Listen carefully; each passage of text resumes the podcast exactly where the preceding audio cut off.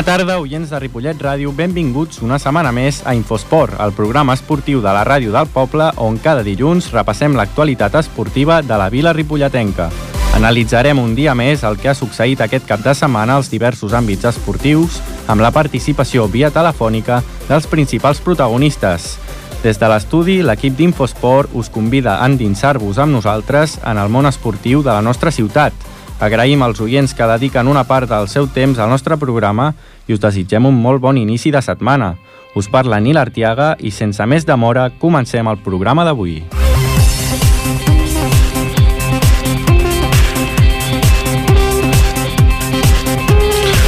Comencem el programa parlant de l'actualitat esportiva del Club Tenis Taula de la ciutat, que aquest cap de setmana ha disputat una sèrie de partits importants en la concentració de primera divisió estatal femenina i divisió d'honor estatal masculina d'aquest dissabte a Ripollet, a casa nostra. Pel que fa a les noies, l'equip femení va aconseguir dues victòries que les acosten cada cop més a aconseguir ser a la fase d'ascens a divisió d'honor com a líders de grup. Els dos partits van acabar amb un 6 a 0, el primer contra el València i el segon davant el Cartagena. Pel que fa a l'equip masculí, els nois van perdre 6 a 0 al seu partit davant el Vincios Pontevedra. Per complementar la informació sobre aquests resultats, parlem per via telefònica amb en Ramon Argenter, ja habitual en aquest programa. Bon dia, bona tarda, Ramon. Bona tarda, sentiu? Bona tarda, Ramon. Bona... Bé, em sentiu o no? Sí, et sentim. Ah, vale, vale, d'acord. Eh, bueno, pel que fa als partits, eh, les noies amb aquestes victòries ja tenen assegurada la primera plaça bueno, per la fase d'ascens? Per anar bé, eh, el que sí es pot dir que eh, guanyant serien campions. Perdent, eh, entraríem també la fase com a segons, no? El que passa que volem sí. quedar és campions. Perquè al quedar campions jugaríem llavors a la fase final i aniríem els quatre, aniríem vuit equips, els quatre campions, de, un de cada grup, i faríem un partit contra un primer i si guanyéssim aquell primer ja pujaríem automàticament. I si Va. perdéssim, tindríem eh, opció de jugar un altre partit contra el, el guanyador d'un segon. Per tant, la pugna està entre el Ripollet i el, el Ganxets de Reus, no? Nosaltres, al guanyar el Ganxets de Reus, doncs anem vuit primers i necessitem dues victòries per quedar campions. Llavors dius que eh, la setmana que ve jugueu amb el Reus. No, no, el Reus eh, és el que va segon. No, ara eh, no, no jugarem fins al dia 2 d'abril. Val. El dia 2 d'abril tenim els dos últims partits de la Lliga. Es fan dues, tres concentracions, una a Reus, una a Saragossa i l'altra es torna a fer a Ripollet en l'Institut de Camp Mas, que és on es va fer ahir també, no, això, no? Llavors aquí jugaríem, aquí serien tres partits. Jugaríem el dia 2 d'abril, al matí a les 11, contra el Figueres, a la tarda jugarien Figueres, Caçà de la Selva, i a les 7 jugaríem Ripollet, Caçà de la Selva. Guanyant aquests dos partits ja serien campions eh, absolut del grup quart de la primera divisió nacional. Femenina. Automàticament. Sí, ja seríem campions. I com valores el paper de les noies en aquests dos partits d'aquest cap de setmana? Home, pues pensa que tant amb el Cartagena com amb l'equip del València els van guanyar 6-0 amb una gran claritat, no? Mm. És un dels equips més forts del campionat. Nosaltres i l'equip del, del Ganxets però el Ganxets de Reus juga, compten amb una jugadora estrangera, una jugadora russa, i dues sí. noies pataranes, pataranes, que estaven jugant ja i han sigut famoses a internacionals amb la, amb la eh, superdivisió, no? I ara estan reposant a l'equip de primera nacional. Mentre nosaltres juguem només que amb tres jugadores infantils. Sí, és veritat. I com, com les vas veure? Quina actitud tenien? Perquè... Bé, bueno, elles volen quedar campiones, volen quedar campiones Clar. pel sol fet de, de, de, de que el anar primer és ara ja doncs, eh, i quedant aquests partits que ja els van guanyar, perquè inclús amb el Tramuntana ja els van guanyar la primera volta de Figueres i en el Casal estava també, doncs és quedar primeres perquè allò que dèiem de fer un partit, guanyar-lo i, i ja pujar, no? Ara, que és clar, que els altres equips també s'estan reforçant, perquè inclús posen eh, jugadors, jugadors, han fitxat jugadors estrangeres. La, nosaltres eh, ens tenen una miqueta de respecte perquè ara ha sortit el rànquing de la Federació Espanyola sí. i dels 8 vuit millors jugadores d'Espanya que aniran a la fase d'Irun, mm. eh, al País Basc, n'hi haurà tres de Ripollet. déu nhi I el rànquing català, primer és Ripollet, segon Ripollet, tercer Ripollet i la cinquena Ripollet, no?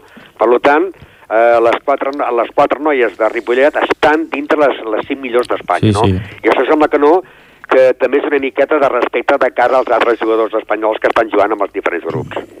És un mèrit que, siguent infantils, s'enfrontin a, a gent tan veterana com, com ho són els altres equips, no? Sí, eh, pensa, que, no, eh, pensa que en aquest equip, exceptuant, podríem dir l'equip del Balaguer, a l'equip del Figueres i a l'equip del Ganxets, la, la resta d'equips són jugadors també que han, han fet jugar a, a jugadores de la cantera, eh? Eh, els equips més veterans poden ser, és l'equip del Ganxets, de Reus. Segon, per veterania, seria el Balaguer. Tercer, el Figueres, i quart, l'equip del Mediterrani. Els demés equips tots són eh, doncs, noies infantils i juvenils, eh? Vull dir, els demés equips han fet com nosaltres, no? El que passa que hi ha una gran diferència entre la base del Ripollet i la base del, del València, del, del CAI Saragossa i, del, Ja. i, de, i de l'equip del Cartagena.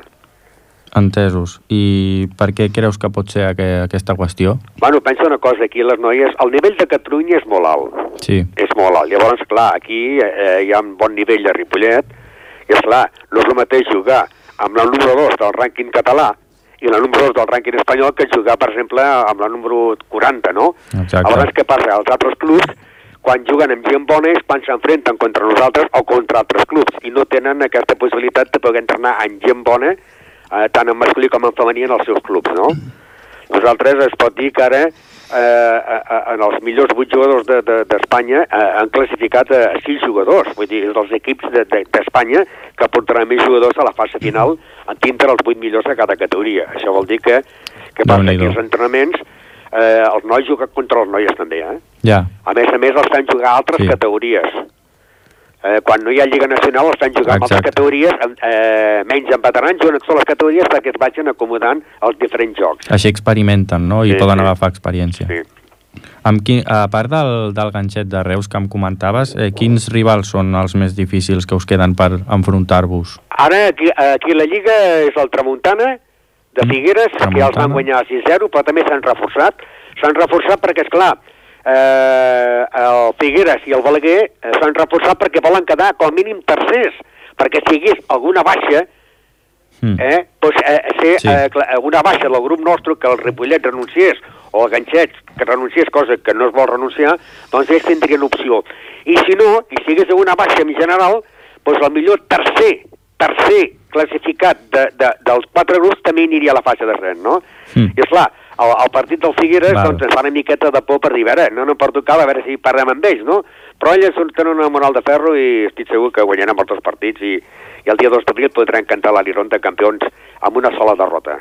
Els veus, els veus molt, les veus molt animades, no? Sí, sí, molt animada, sí, sí. sí. I, bueno, pel que fa al, al, al masculí, que el masculí va tornar a perdre... El masculí van jugar aquest cap de setmana i no veu color, no? Sí. Vull dir, aquí sí que podríem dir, ens hem fotut un rosco, perquè és que, a més a més, l'equip eh, porta eh, l'equip que ens visita, que ens va visitar, que és el Vincius de Pontevedra, Sí. està patrocinat, patrocinat per una casa, una, una casa de rosquilles. Caram.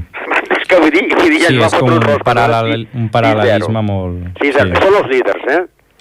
Ja, Són els líders del campionat. entès. eh, aquí, eh, només han perdut que un partit perdut, mm, mentre que el segon eh, en porta tres. I vull jo crec que no, no, que no, no, no en perdran cap més, no? I llavors tenim que els altres equips que anaven per darrere també s'han reforçat. Ara estaríem en zona de descens nosaltres, Ja, perquè, doncs, eh, a l'equip de l'Orgui Sant Sebastián, que nosaltres els van guanyar, s'ha reforçat amb un jugador portuguès i ahir van guanyar, contra pronòstic, doncs van guanyar en l'equip del Monteporreiro, també de Galícia, que anava cinquè a la Lliga, no? Vull dir que, clar, nosaltres hem d'anar allà. Nosaltres amb dues victòries, guanyant aquí a casa el Helios de Saragossa i guanyant eh, un dels dos partits que ens queda al País Basc, doncs eh, jo crec que es podria la guanyar. permanència està... Creus que Eh, sí, està estaria, jo crec que estaria assegurat. Ara, esclar, eh, de, moment l'equip bas s'ha reforçat ja per intentar no baixar, no?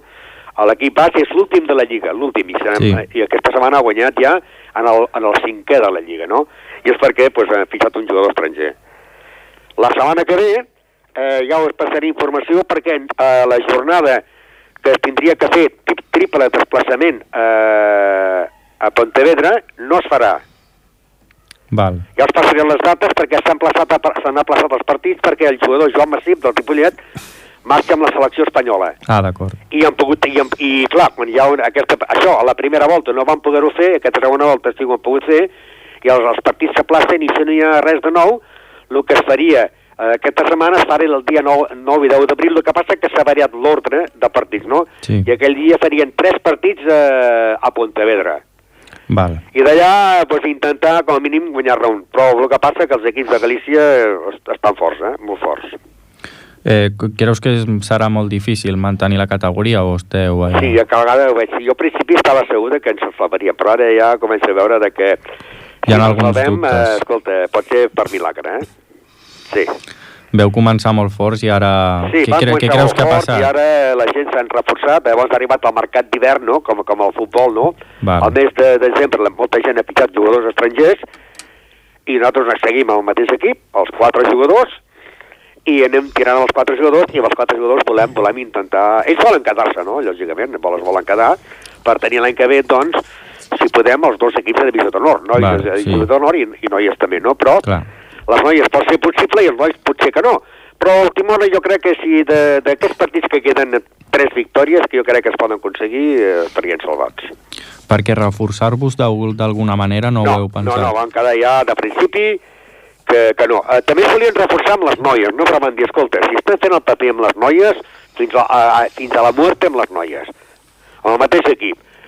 L'únic que, quan es faci la fase d'ascens, en vez d'anar les clàssiques jugadores que van, la Lídia Rico, la Mireia Peretó i l'Aina Monegas, també incorporaríem a Helena Parente perquè viatgés amb nosaltres a la fase d'ascens, no?, per anar, doncs, eh, que haurem d'estar dos o tres dies fora, doncs anar a les quatre jugadors per si passés qualsevol cosa, no? Però, en definitiva, doncs, eh, estàvem parlant de fitxar una jugadora romanesa que havien tingut, i vam dir sí, que no, que no, que si mor- moriríem con les botes postes i ho faríem amb l'equip de casa. Sí. Doncs, Ramon, eh, gràcies per la, per la teva col·laboració, com cada setmana, i ens tornarem a, a sentir, en aquest cas, eh, properament. D'acord, Molt- jo molta- el divendres li passaré al Marc Mata, li passaré tots aquests canvis que, que, que hi haurà de cara a la setmana que ve quan al Divisió d'Honor, perquè les noies no jugaran, perquè dissabte, també a nivell de concentració, comença la Lliga Femenina de- d'edats, a la que obliguen que es faci tipus Copa Davis, un individual, un altre individual, un doble i dos individuals, però que has d'alinear sempre amb una jugadora a l'E20 Sí, sempre en l'he dit, no? Nosaltres presentem a dos equips, i els equips seran el Vilabalar, el Bàscara, de, de Girona, el Ripolletà, el Ripolleter, el Reus, que fa equip amb el Cambrils, el Caçà de la Selva, eh, la Selva 2, eh, Ganxet Reus, eh, Balaguer, i dos equips de Sabadell. d'acord. I, aquesta, és I això també es farà per concentracions. I el dia 12, Val. o sigui dissabte que ve, es farà eh, triple jornada a Bàscara. D'acord, I el primer gràcies. partit de la casualitat que juguen Ripolletà contra Ripolleter dissabte a les 9 del matí a Bàscara. Ho tindrem en compte, doncs, per les properes entrevistes. Eh, moltes gràcies, Ramon. Eh, a vosaltres deixem ja aquí. us aneu a disposar. Eh, que et vagi molt bé i us desitgem tota la sort del món per les noies tant, tant com pels nois també, que esperem que salvin la categoria. Ah, esperem que sí, desitgem que sí. Vinga, que vagi bé, Ramon. Moltes Moltes, gràcies. gràcies. Adéu. Adéu, adéu. Futbol, futbol, Parlem ara, entrem en el món del futbol de la nostra ciutat. Eh, parlem amb en Marc Mata, que ens porta la crònica del Ripollet. El Club Futbol Ripollet aconsegueix la segona victòria consecutiva en el municipal davant el Joventut 25 de setembre. Bona tarda. Ahir amb les grades del municipal molt animades, el Ripollet va guanyar davant el Joventut 25 de setembre de Rubí per 4 gols a 0. Els primers 20 minuts del maig van ser els minuts més complicats pels de casa d'aquesta part. En aquests minuts el Ripollet va tenir una molt bona oportunitat xutada pel Xema en rebre la pilota, però la bona defensa dels de Rubí va impedir que aquesta jugada es convertís en gol. Passat el primer quart, els ripolletens van estrenar el marcador, en un moment en què no hi havia barrera de defensa a la porteria visitant. Un gol marcat pel Franco i molt celebrat en el municipal. Després d'aquest gol, els ripolletens continuaven lluitant per marcar més gols i 10 minuts després del gol ripolletenc, els del Joventut van tenir oportunitat per marcar, però una bona aturada del porter local va impedir que aquesta es transformés en gol. En el minut 33, en Xema va marcar el segon gol del Ripollet, un gol fruit d'una falta comesa en Xema per part del porter visitant, que va rebre una targeta groga. A 4 minuts al final del primer temps, els de Juan Carlos Torres van tornar a marcar. Aquest cop, el gol va ser de Cristian González. Els de Ripollet van marxar al descans amb el marcador a favor seu 3 a 0. A la segona part, el Joventut va sortir amb ganes d'intentar donar-li la volta al marcador i el Ripollet per posar-s'ho complicat als rubinencs i endur-se'n els 3 punts. Aquesta segona part va ser una part complicada pels de casa. Els del Ripollet tenien moltes oportunitats que no aconseguien transformar en gol.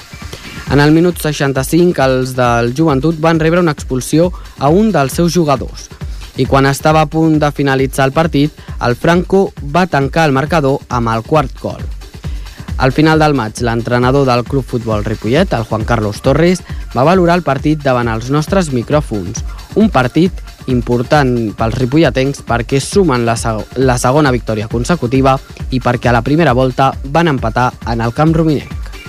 Bueno, eh, aquí en aquesta categoria no hi ha rival fàcil. La mateixa setmana passada crec que va ser el líder, en aquell moment, Sant Quirze, va, va empatar el camp de Joanenc, que és el QE. Vull dir que aquí no, no regala ningú res i sabem que era un equip que era complicat, que venia amb, amb bueno, una setmana complicada, que ha marxat l'entrenador i, i són, te trobes amb un equip que no saps ben bé quin, quin, quin equip et trobaràs pel model tàctic de joc o el que sigui i hem sortit, jo crec que hem sortit molt bé la primera part i bueno, la veritat és que, que supercontent com ha anat el partit. Podem dir que la, el moment més complicat per vosaltres ha estat els 20 primers minuts del, del partit i la segona part? Bueno, el començament del partit sempre és difícil perquè els equips estan sencers físicament i no, no és fàcil trobar forats, és, és difícil. Però bueno, nosaltres sabem que el nostre model de joc, pues, mica en mica pues, em van obrint, es van cansant i, i si, tenim, si estem bé en pilota, que avui estàvem bé en pilota, estàvem amb, amb, amb llums, pues, podien fer mal i això ha sigut, no? conforme hem avançat a la primera part doncs hem trobat més, més forats, hem trobat més, més, més d'allò i al final hem pogut marcar els tres gols que ens han anat molt bé per, per afrontar la segona part tota plena de crius que teníem avui no? que, Creus que s'ha de millorar alguna cosa del partit d'avui? Sempre, sempre. sempre. Millorar s'ha de millorar sempre. No, no, encara que guanyi per mil a zero. Sempre hi ha detalls que s'ha de millorar i nosaltres estem per això, per millorar el que es fa malament, potenciar el que fem bé i, i res, i continuar treballant i pencant, que és el que es tracta. Continueu tercers eh, a passar d'aquesta victòria continueu pensant en que podreu superar el segon i el, i el primer? Això estem, vull dir, hem d'intentar lluitar cada diumenge i això és molt llarg, i queden, encara queden 11 partits i, i 33 punts són molts punts, vull dir, hem de jugar encara a cara de Déu, enfrontament directe, on el Graixa amb el Sant Quirze el tenim guanyat, vull dir, tot això ho hem de mesurar i saber que amb aquesta actitud home, podem perdre un partit perquè es pot perdre, però serà difícil. En aquest partit hem vist que teníeu nous jugadors, com has vist a, a aquests jugadors? Bueno, doncs portem una ratxa de lesions des de començament de temporada, he dit alguna vegada que és una cosa espectacular, vull dir, i a més eh, que no són controlables, perquè nosaltres fem una feina de, de, una feina de prevenció de lesions musculars i musculars hem tingut tres en tot l'any, que està molt bé per un equip de futbol d'aquesta categoria, però clar, els genolls, tu sí, la gent que porta moviments de genoll, en esguinços, en, hòstia, i no, no parem una cosa i una altra, i, i avui, mira, avui teníem 11 al primer equip, com ell que diu, més, més els dos xavals que estan al, al Camp Mas i estan amb nosaltres, el Mora i el Gerard, que el Gerard ha jugat una segona part molt bona, i tota la resta de la juvenil, eh? vull dir que i han funcionat i han treballat bé, vull dir que és el que es tracta, ficar la gent d'aquí de casa, que tothom... El que que també tampoc és fàcil, perquè clar, tampoc és ficar tots a la vegada, perquè, perquè, perquè no és normal tampoc, que t'estàs jugant molt i, i a lo millor pues, falta una mica de coordinació i tampoc pots fer-ho tot a la vegada, però sí que estic molt content amb ells. Com afrontàveu el partit contra el Joventut després d'haver de, jugat la primera volta contra ells? Creies que era, que era un equip, eh, un rival fort? Bueno, ja, ja li, li comentava al company, ja potser és l'equip que més m'ha agradat, per, per model de joc, per, com, per la intensitat que van ficar i pel tipus de partit que es va veure allà, que va ser un partidàs, m'ha agradat molt. El que passa que li, li, li va marxar potser el jugador més determinant que tenien, el, el Carlos Esteban, això crec que ho han, ho han notat, i ja l'han tingut també una sèrie de baixes, ha marxat l'entrenador, per això era un partit una mica trampa perquè no sabies el que et podies trobar avui, no? I, i havíem de sortir amb els vuit sentits per, per no tenir cap, cap, cap errada, no? Sí, que, que bé.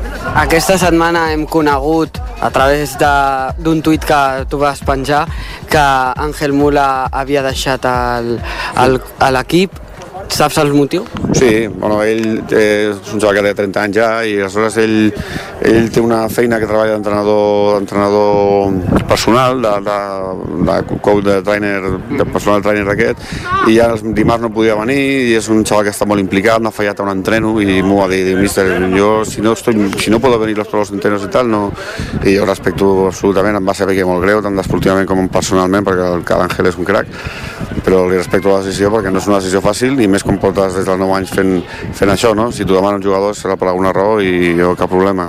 Ens té aquí per el que vulgui i, i supercontent amb ell i desitjo el millor que, que, que, que tingui perquè s'ha comportat com, un, com el que és un crack, no? Doncs desitgem que li vagi molt bé.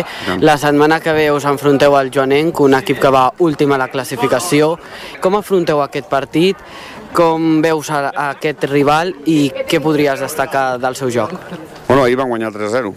Ahir, o sigui que fàcil tampoc serà. El, el líder fins a la setmana passada va, va empatar allà, demanant l'hora. És un equip que està bé, tenen sobretot un jugador que és el jugador més determinant d'ells, Alberto Criado, que, que, és un jugador de tercera divisió, que per motiu laboral s'està jugant allà, però és un jugador determinant, amb una esquerra mm, i és un equip que si, si no estàs amb els cinc sentits pots patir, pots patir i no vull patir, dir, sortirem amb el màxim de tot, recuperem jugadors que estan sancionats, com el Rubi, el Guti, l'Enrique, i jo crec que, bueno, si l'equip està bé, jo crec que és un partit que patirem, perquè pateixes a tots els estadis, però jo crec que, que podem treure. Doncs us desitgem que us vagi molt bé, que la setmana que ve pugueu tornar a guanyar com veu guanyar la setmana passada, com heu guanyat avui, i que podem continuar explicant-lo. Exactament, i la porteria zero, que és, sempre els dic que és molt important, no? que no encaixa gols, és al final el fica dalt. No? Si amb l'equip, la qualitat que té aquest equip, si defensivament estem bé i intensos, és difícil que, que aquest equip tingui dalt, dalt a baixos, però bueno, sempre es poden produir, no? Doncs Juan Carlos Torres, moltes gràcies per haver-nos atès. A vosaltres els ripolletens van segons a dos punts amb el Cardedeu, que es posiciona ara líder, i empatat amb el Sant Quirze, que ha passat de ser líder a tercer. Els de Juan Carlos Torres somien amb l'ascens a primera catalana i la setmana que ve s'enfrontaran al Joanenc, un equip que va últim i que va perdre a la primera volta en el municipal.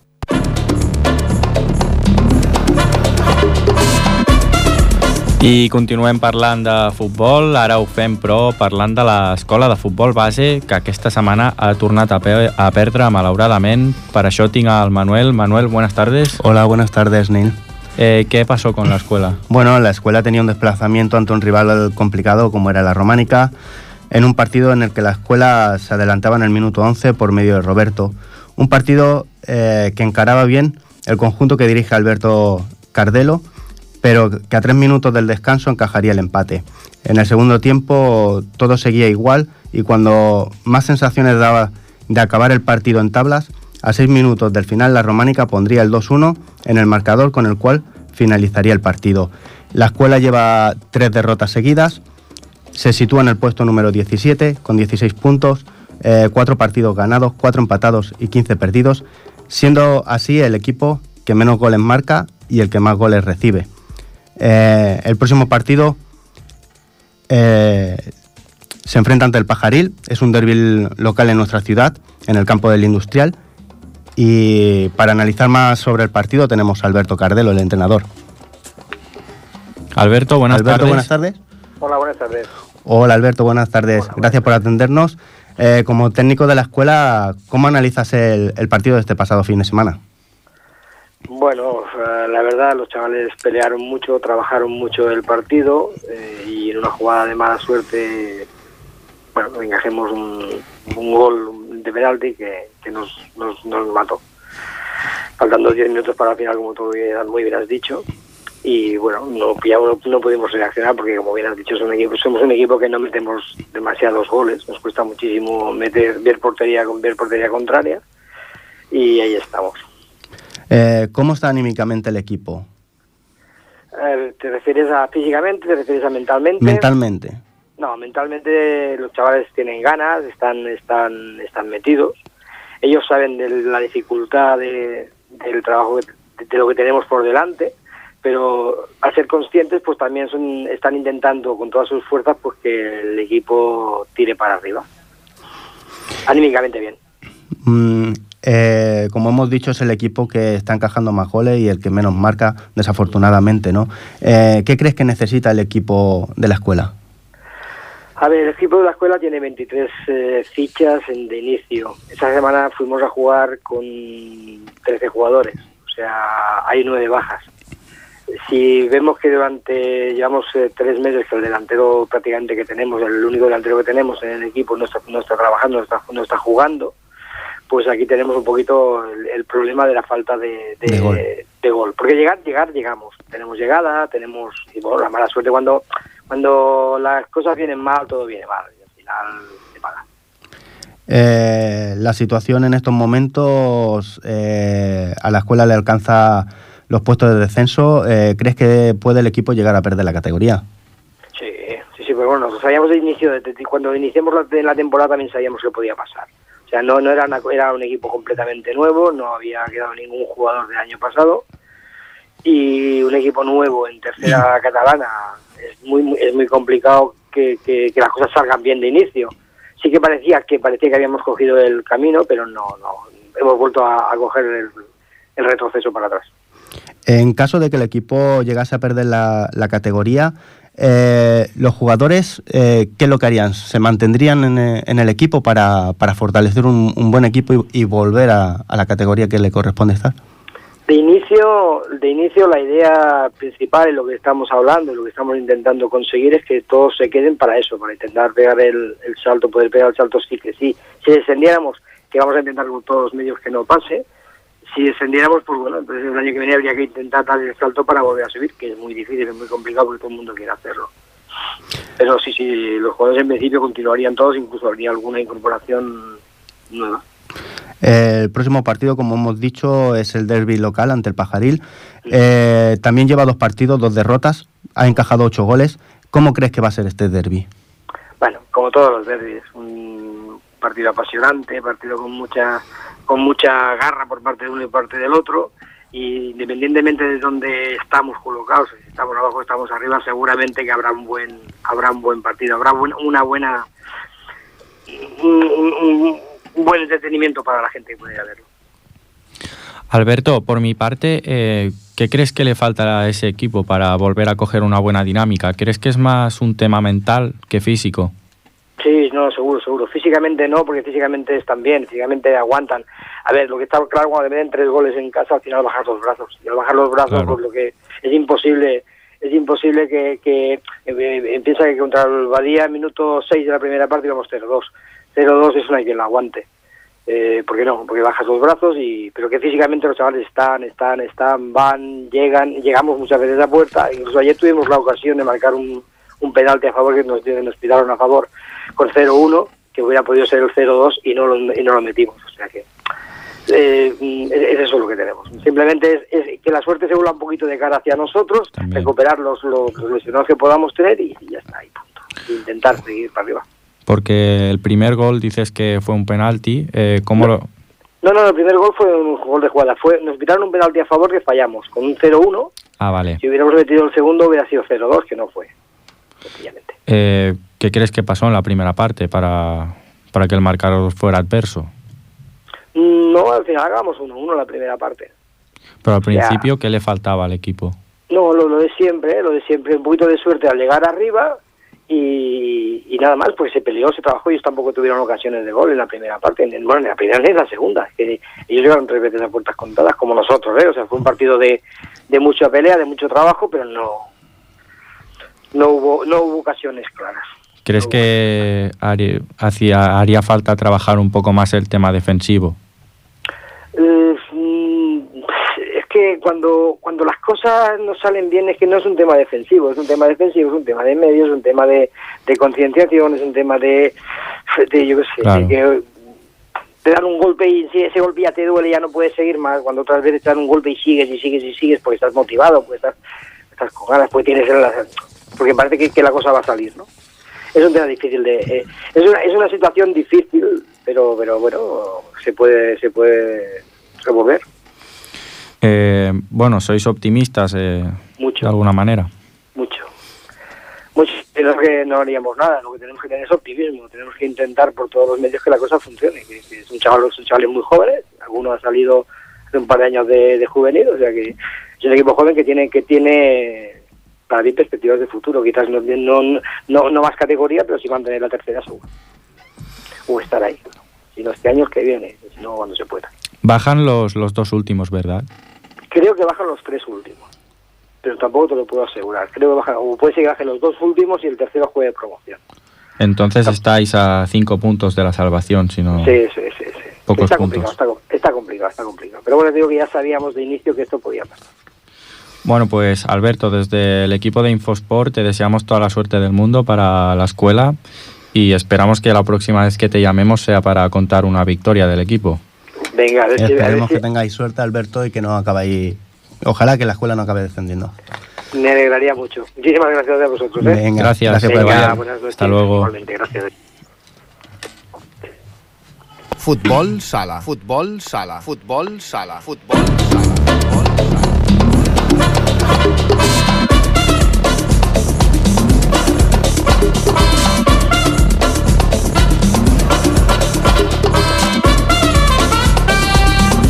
Parlem ara de futbol sala analitzant el que va fer el primer equip masculí del poble.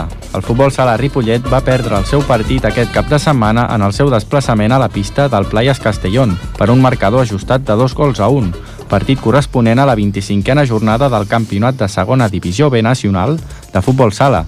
Amb aquest resultat, els ripolletens acumulen dos partits consecutius sense aconseguir la victòria i sumen 37 punts, els mateixos que la setmana passada, mantenint-se així a la vuitena plaça de la classificació a 7 punts de les places de Copa que tanca precisament el Playas Castellón i a 22 del líder que ara mateix és el Col·legi Sant Santo Ángel de Castelldefels. El cap de setmana que ve, l'equip de Ripollet visita una pista potser més complicada i tot, com és la de l'Escola Pia, equip que ocupa la segona plaça de la taula amb 54 punts i que ve de perdre la pista de l'Associació Esportiva Joventut Riera per un marcador de 7 a 5. Per complementar la informació del partit que els ripolletens van jugar a la pista del Castellón, parlem amb Toni Moreno, jugador del primer equip. Buenas tardes, Toni. Hola, buenas tardes. Eh, bueno, eh, ¿qué conclusiones podríamos sacar del juego del equipo en ese partido? Bueno, fue un partido con pocas ocasiones mm, y muy era muy físico, era un partido muy muy duro. La gente era bueno, supongo que nos tendrían estudiado, porque ahora ya todos todos los equipos graban los partidos, entonces supongo que sabrían cómo lo que hacer para hacernos daño. Eh, si no voy errado, eh, fallasteis dos ocasiones en el primer tiempo que os podrían haber puesto por delante. Sí, una fue bastante clara, sí. Pero bueno, sí que es verdad que fueron ocasiones muy muy contadas en la primera parte tanto como en la segunda. ¿Crees que podría haber cambiado la dinámica del partido si estas pelotas hubieran entrado? Hombre, supongo que sí, porque sí que es verdad que costaba salir un poco de la presión y, y bueno, costaba llegar arriba. Entonces, si en una ocasión de estas metes un gol, ya la, la cosa es diferente, la cosa cambia. Hmm. Os planteó un partido defensivamente bueno el Castellón. Sí, la verdad que es un equipo que, bueno, que está bien físicamente, aprieta muy bien y su, bueno, y jugando en su pista, pues supongo que las medidas ya las tienes cogidas y juegas más cómodo que jugando fuera. Eh, ¿con, qué ¿Con qué aspectos positivos te quedarías del juego del equipo en ese partido? Pues a la hora de, digamos, a la hora de defender, que bueno, que el equipo trabajó muy bien Hmm. y que salía a las contras como, bueno, como se había trabajado durante la semana. Sí. Cerrar espacios, todas estas cosas, pues bueno, tenía gente que jugaban, jugaban bien y un pivote que recibe muchas pelotas, que se quiere dar la vuelta, entonces estas cosas se, Mm. se trabajó bien el equipo.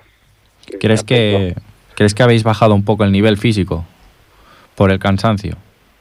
No, no creo. Lo que pasa que sí, bueno, más que nada que tenemos bajas, que bueno, quieras o no, pues juegas más minutos, hay, las Mm. rotaciones son más cortas, entonces claro, este cansancio se nota al final del partido. Eh, ¿qué, qué bajas podías destacar del equipo que influyen en el, en el, en el rendimiento, podríamos decir? Pues por ejemplo la de las dos bajas que tenemos, la de Pipa mm. por lesión y Jesús por motivo de trabajo no pudieron venir. Y luego en el partido, Manel también, bueno, se ve que se lesionó. Bueno, se lesionó, sí, no sé exactamente todavía lo que le pasa, pero pues era un E15. Claro, esto fue la primera parte, entonces ya te condicionó un poco un jugador menos para cambios y... Claro, eso influye también en el desarrollo del partido. Sí, sí, mucho. Si no, re, si no voy mal, mal encaminado, mm, Antonio marcó el, el vuestro gol. Antonio yo. Yo soy... Ah, lo metiste Es tú. que el Pipa es, también se llama Antonio. Ah, vale, es que Lo ponía... que pasa es que todos lo llamamos Pipa, sí, sí. ¿Cómo, cómo fue ese gol? Pues eso fue jugando de 5, ya jugando haciendo la, porta, mm, la jugada de portero jugador. Pues bueno, también quedaban 6 segundos, un, Mm. un chute al segundo palo y que me viene a mí a la cabeza y, y, bueno, y entra adentro. Eh, creo que en ese partido volvió Antonio Medina, no sé si, si fue así. Bueno, no, estaba... Bueno, el fisio se ve, no le aconsejó, no le aconsejó jugar. Que no. calentase y eso, pero que no, que no jugase. Al final no entró. No, no entró. Prefería no arriesgar y, y, y ya entrar esta semana al 100%. La semana, la, perdón, la semana que viene jugáis contra la Escolapía, que es más, bueno, está más arriba de la tabla aún. ¿Con, con Sí. qué expectativas afrontáis este partido? Bueno, pues sabemos que es una pista muy, muy complicada porque es muy pequeña, de dimensiones muy estrechas. Da la sensación de, de no tener espacio porque o sea, entre la línea y una pared hay, hay muy poquito. Y luego que es un equipo que lleva muchos años jugando juntos, mm, ya el mismo entrenador muchos años, entonces ya es complicado jugar contra la Escolapía. ¿Qué destacarías de, de su juego? el colectivo, porque es, la verdad es un grupo que trabaja muy bien, mm, se conocen todos muy bien, entonces eso es una ventaja para ellas. Has jugado en esta pista, ¿no? ¿Verdad? Sí, sí, ya llevo unos cuantos años jugando aquí. ¿Y qué recuerdas de, de la última vez que fuiste allí? Pues la última vez, uno fue un en pretemporada ¿Mm? y fue bastante malo. Sí, era un domingo por la mañana después de la fiesta mayor y fue un partido bastante malo. Y bueno, eh, hab- hablamos ya para ir terminando de tu, de tu valoración personal. Eh, ¿cómo, ¿Cómo valoras tu temporada hasta el momento? Mm, hasta el momento la veo normal. Sí, bueno, intento aportar lo que lo que puedo, lo que me pide el entrenador y bueno, y ayudar a, lo- a los jóvenes que suban para arriba.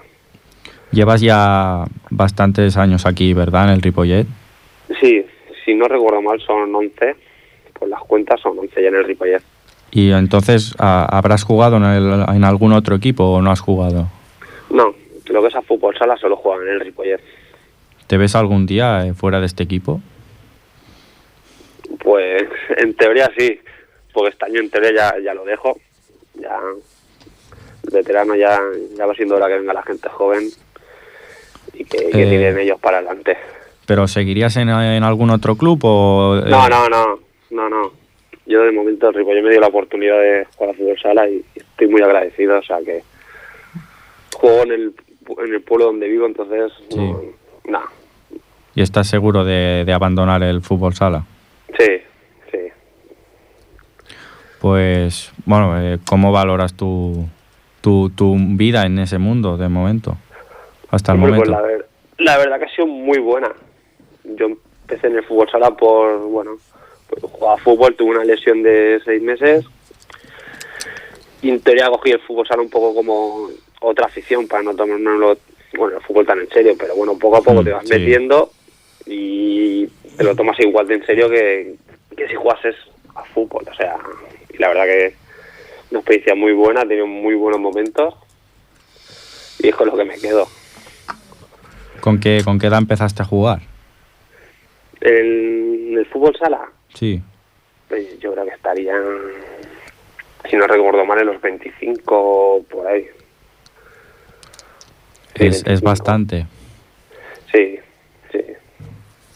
Bueno, pues eh, espero que, que hayas aprendido mucho en este mundo del fútbol sala y, te, y hay- y hayas disfrutado, que es lo más importante. Y supongo que te llevarás un buen recuerdo de, del equipo. sí. Y del más si- equipo y, y muchos compañeros pues, con los que he tenido, entrenadores y bueno. Y más si llegáis a, la, a las plazas de Copa, ¿no? ¿Lo, lo ves posible aún o crees que es un reto difícil? Bueno, la verdad que me parece que era Marfil que estaba con 50, nos saca 13 puntos. El Marfil jugaría Copa, pero porque es filial. Bueno, es verdad. eh, sí, bueno, digamos es que marca, el corte, pero jugaría el cuarto Claro, porque Marfil claro. no puede por... El Playas Castellón. Sí, exactamente.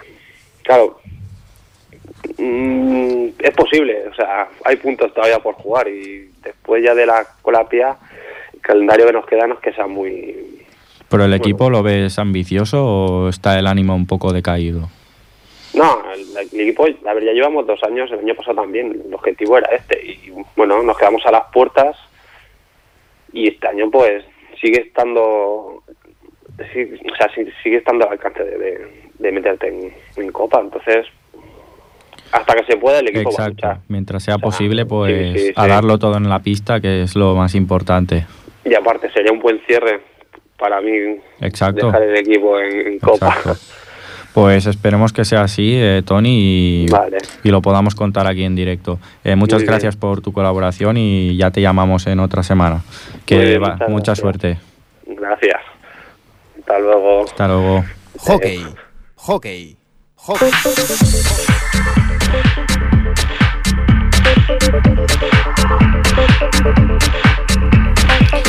Doncs després de parlar de futbol i futbol sala, ara ens encaminem cap al món de l'hoquei. Eh, el club d'hoquei Ripollet continua amb la seva dinàmica guanyadora. Aquest cap de setmana va golejar la Salle Bona Nova, per un contundent marcador d'un gol a 6, partit corresponent a la 21a jornada de la Lliga de Segona Catalana d'hoquei patins. Amb aquest resultat, els ripolletencs sumen 49 punts i se situen tercers a la classificació a un punt del Congrés i dos del Palau Solità i Plegamans, això sí, amb un partit menys, ja que la setmana passada els de Ripollet van descansar. La propera jornada els ballesans disputaran el seu partit a casa davant del Cerdanyola, un autèntic derbi que podran anar a veure i gaudir diumenge a dos quarts d'una del migdia. El Cerdanyola Club d'Hockey ha vençut aquest cap de setmana el Jesús Maria i Josep per un marcador força clar de 11 gols a 5 i ara mateix ocupa la setena plaça de la taula amb 32 punts. Per analitzar amb més profunditat l'actualitat del club, tenim en via telefònica a Xavier Nogueira, jugador del primer equip. Hola, Xavi. Hola, bona tarda. Bona tarda, Xavi. Eh, quina valoració fas eh, del partit contra la Salle? Ah, bueno, evidentment la valoració és positiva, l'objectiu era aconseguir els 3 punts i així ho, ho vam fer. A jugar contra la Salle, la, la Salle tot i estar, és un equip que està a la part baixa de la classificació, Sí. és, un, és un rival complicat perquè la seva pista és una escola de Barcelona i normalment aquestes pistes acostumen a ser petites, descobertes, a la qual cosa el sol et pot dificultar Mm. i a més a més estava una mica bruta. Però bueno, vam, vam, fer un- vam fer un partit molt sòlid en defensa, sobretot, eh, no, van, no van arribar gairebé a porteria i després ells en, ells en, defen en atac van tenir certes dificultats al principi perquè ells estaven, estaven molt, molt, molt tancats, però bé, un cop vam marcar Clar. el primer gol ja va ser més, més fàcil. Eh, a part de la- l'eficàcia jugador, la golejadora, perdó, eh, què et quedaries amb l'equip? Perquè ja veu ser molt... Es podia dir que va ser un partit molt complet de l'equip, no? Sí, bueno, sabíem que des del principi aquests partits que jugues contra en rivals una mica més inferiors, si no estàs atent i deixes que aquests rivals es posin al partit, bueno, doncs es creixen i, i se't posen les coses molt, molt difícils i després és, és força complicat remuntar i des, de, des del principi l'equip va estar atent, sabia que portar la iniciativa era, era important i així ho vam fer. Al principi va, va costar marcar, però un cop vam marcar Sí. després ja, ja vam poder ampliar la- l'avantatge al marcador. Us ha anat bé el descans que heu tingut aquesta setmana?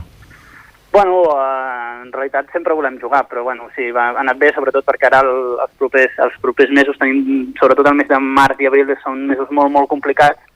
Jugarem contra, contra rivals directes, la, tots els rivals que juguem al mes de març i, i abril estan entre els set primers, Mm. i bueno, amb aquesta setmana hem estat practicant, eh, bueno, pre pre pre preparant jugades de cara als propers mesos. Eh, veu entrenar aquest cap de setmana? Clar, bueno, eh, al cap de setmana no, però vam, vam entrenar durant, durant la setmana. Val. I bueno, eh, això del el fet que heu descansat una setmana fa que ara us, us situeu tercers a la classificació. Eh, us sentiu d'alguna manera amb una mica de pressió per intentar recuperar aquesta primera plaça? Bueno, a veure, anem, anem tercers amb un partit menys, però vull Clar. dir, sabem que depenem de nosaltres mateixos. Uh, tots els equips voldrien estar en la nostra situació. Uh, bueno, si guanyem el partit que ens queda pen pendent, uh, ens posaríem primers, uh, però, és a dir, tothom voldria estar en la nostra situ- situació. Sabem que depenem de nosaltres mateixos i el que et comentava, el, pro- els propers partits són, el mes de març i abril són, són realment, realment importants, que marcaran realment les nostres aspiracions. L'objectiu per això és, és aconseguir l'ascens i en això estem treballant. La propera jornada jugueu contra el Cerdanyola. Eh, per aquest partit hi ha una motivació extra per, pel fet que sigui un, una mena de derbi o viviu de la mateixa manera? No, no sí, sí, evidentment eh, hi ha una motivació extra. És un derbi, la majoria, alguns dels nostres jugadors de Ripollet també han jugat a, a Cerdanyola, vull dir que coneixem els rivals i, bueno, com et deia, és un derbi, és un derbi i ells segur que vindran, vindran motivats, intentaran, perquè l'anada ja van perdre i segur que voldran venir aquí, fer un bon partit, guanyar-nos per, per complicar-nos l'ascens. Què, és, què esperes del Cerdanyola? Què destacaries del seu, del seu joc?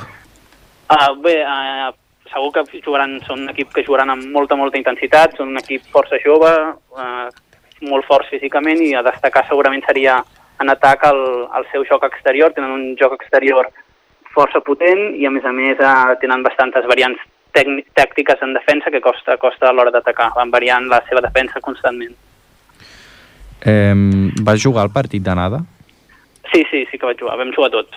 I amb què et quedaries d'aquest partit?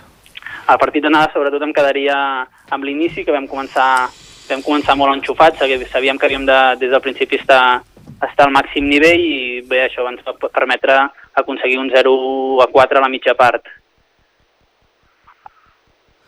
Doncs, eh, Xavi, eh, gràcies per la teva col·laboració una setmana més i esperem que aconseguiu l'ascens i que aconseguiu remuntar aquesta primera plaça que, que l'heu perdut momentàniament.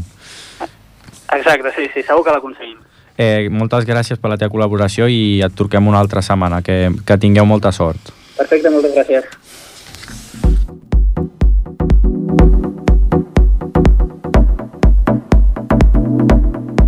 Tornem amb el futbol per, per a finalitzar el programa. Parlem ara amb el Can, amb Pat del Can Mas, perdó, i per això torno a tenir al meu costat el Manuel. Manuel, Pues este sábado el Camp Mas Ripollet disputaba un partido complicado, como dijimos la pasada semana, pues tocaba recibir al líder, el Lourdes.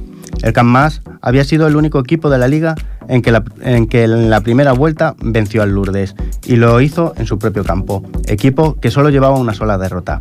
Un Lourdes que no lo puso nada fácil en todo el partido, un Camp Mas que empezó muy frío, aunque bien colocado en el campo. En el minuto 1 los rivales dispusieron de la primera ocasión de gol, la cual el meta David detendría. Al Camp Mas le costaba cruzar el medio del campo. Todo el juego se disputaba en su mitad. Era el Lourdes quien creaba peligro en la portería del Camp Mas, la cual los ripotellenses defendían bien. En el minuto 9 el Camp Mas dispone de una ocasión por medio de Rubén Martín que desde fuera del área chutaría a puerta, pero su balón sale desviado. En el minuto 11 Javier Moussa vuelve a disponer de una ocasión para el Camp Mas, volviendo a chutar desde fuera del área, pero el guardameta detiene en dos tiempos. Por momentos el Camp Mas empezaba a crecerse y tomaba el control del partido.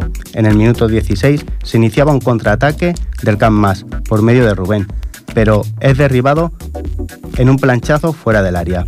La falta se ejecutaría sin peligro para el guardameta del Lourdes. En el minuto 22 hay un nuevo chute desde fuera del área de Rubén Martín, pero este obliga al guardameta del Lourdes a desviar a córner. El córner lo remataría Mar Palau, pero el balón sale rozando el palo. Los minutos pasaban en un partido muy bonito, en el que faltaban ideas para sorprender y finalizar cada jugada por parte de ambos equipos. Había temor a encajar un gol a medida que se acercaba el descanso. Era un partido muy equilibrado en juego y posición. En el minuto 37 el Lourdes lanza una falta en el área que tras su remate obliga al guardameta David a lanzarse y atrapar lo que parecía ser gol. El guardameta del Camp Mas tuvo muy buenos reflejos para detener ese balón tan peligroso.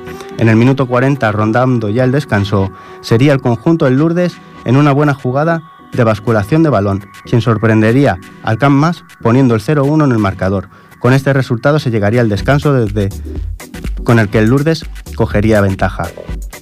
El segundo tiempo lo arrancaría el Camp Mas poniendo el balón en juego y buscando en velocidad sorprender al rival. En el minuto 1, Alexis Daniel tiene una ocasión para empatar, pero su chute sale rozando el lateral de la portería. En el minuto 2, Rubén Martín se queda solo esperando dentro del área a que baje el balón, pero al botar pega mal en el suelo y llega a atajar el guardameta Lourdes. En el minuto 3, Alexis Daniel pone un balón desde la banda en el área que remataría Raúl Sánchez para poner el empate. En el minuto 7, un centro de Mar Palau que recibe a Alexis para, con un potente disparo dentro del área, pondría el 2-1 en el marcador con el que el Camp Más le daría la vuelta. Desde el minuto 15 y hasta el final del partido, el Lourdes comenzaría a tomar el control del partido y buscar el empate. El Camp Más dispuso de una ocasión en el minuto 42 por medio de Alexis, que cortaba un balón en el centro del campo y se recorría el campo por la banda hasta la portería rival, poniendo un centro que remataría a Ángel Vera en posición de fuera de juego. El Camp acabaría pidiendo la hora en los minutos restantes y viendo que el Lourdes acechaba la portería de David. Al final, victoria del Camp Más 2-1, que parecía ser el único equipo capaz de derrotar al líder.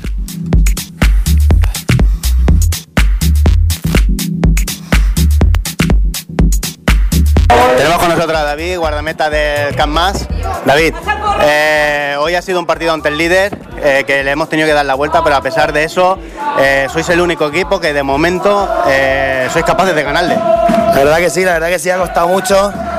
Nos ha costado mucho empezar a entrar en el partido porque apretaba mucho, hemos salido sin.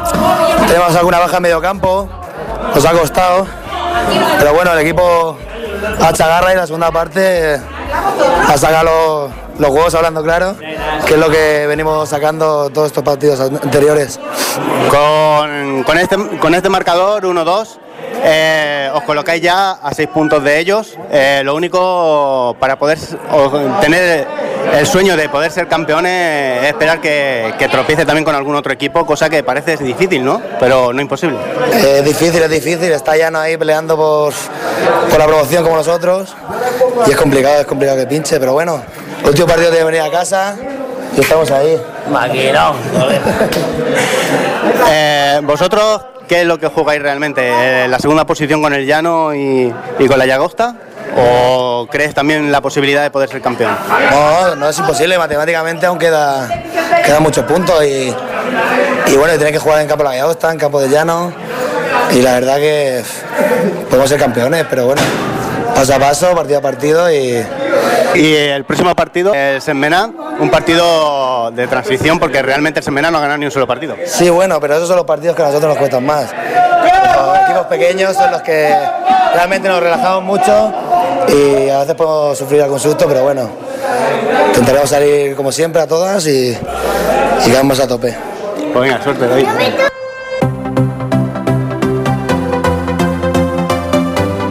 Doncs això és tot per la nostra part. Fins aquí el programa d'avui. Com ja sabeu, cada dilluns de 7 a 8 del vespre us esperem a la 91.3 de l'FM per analitzar l'actualitat esportiva del poble. Fins llavors, que passeu una molt bona setmana.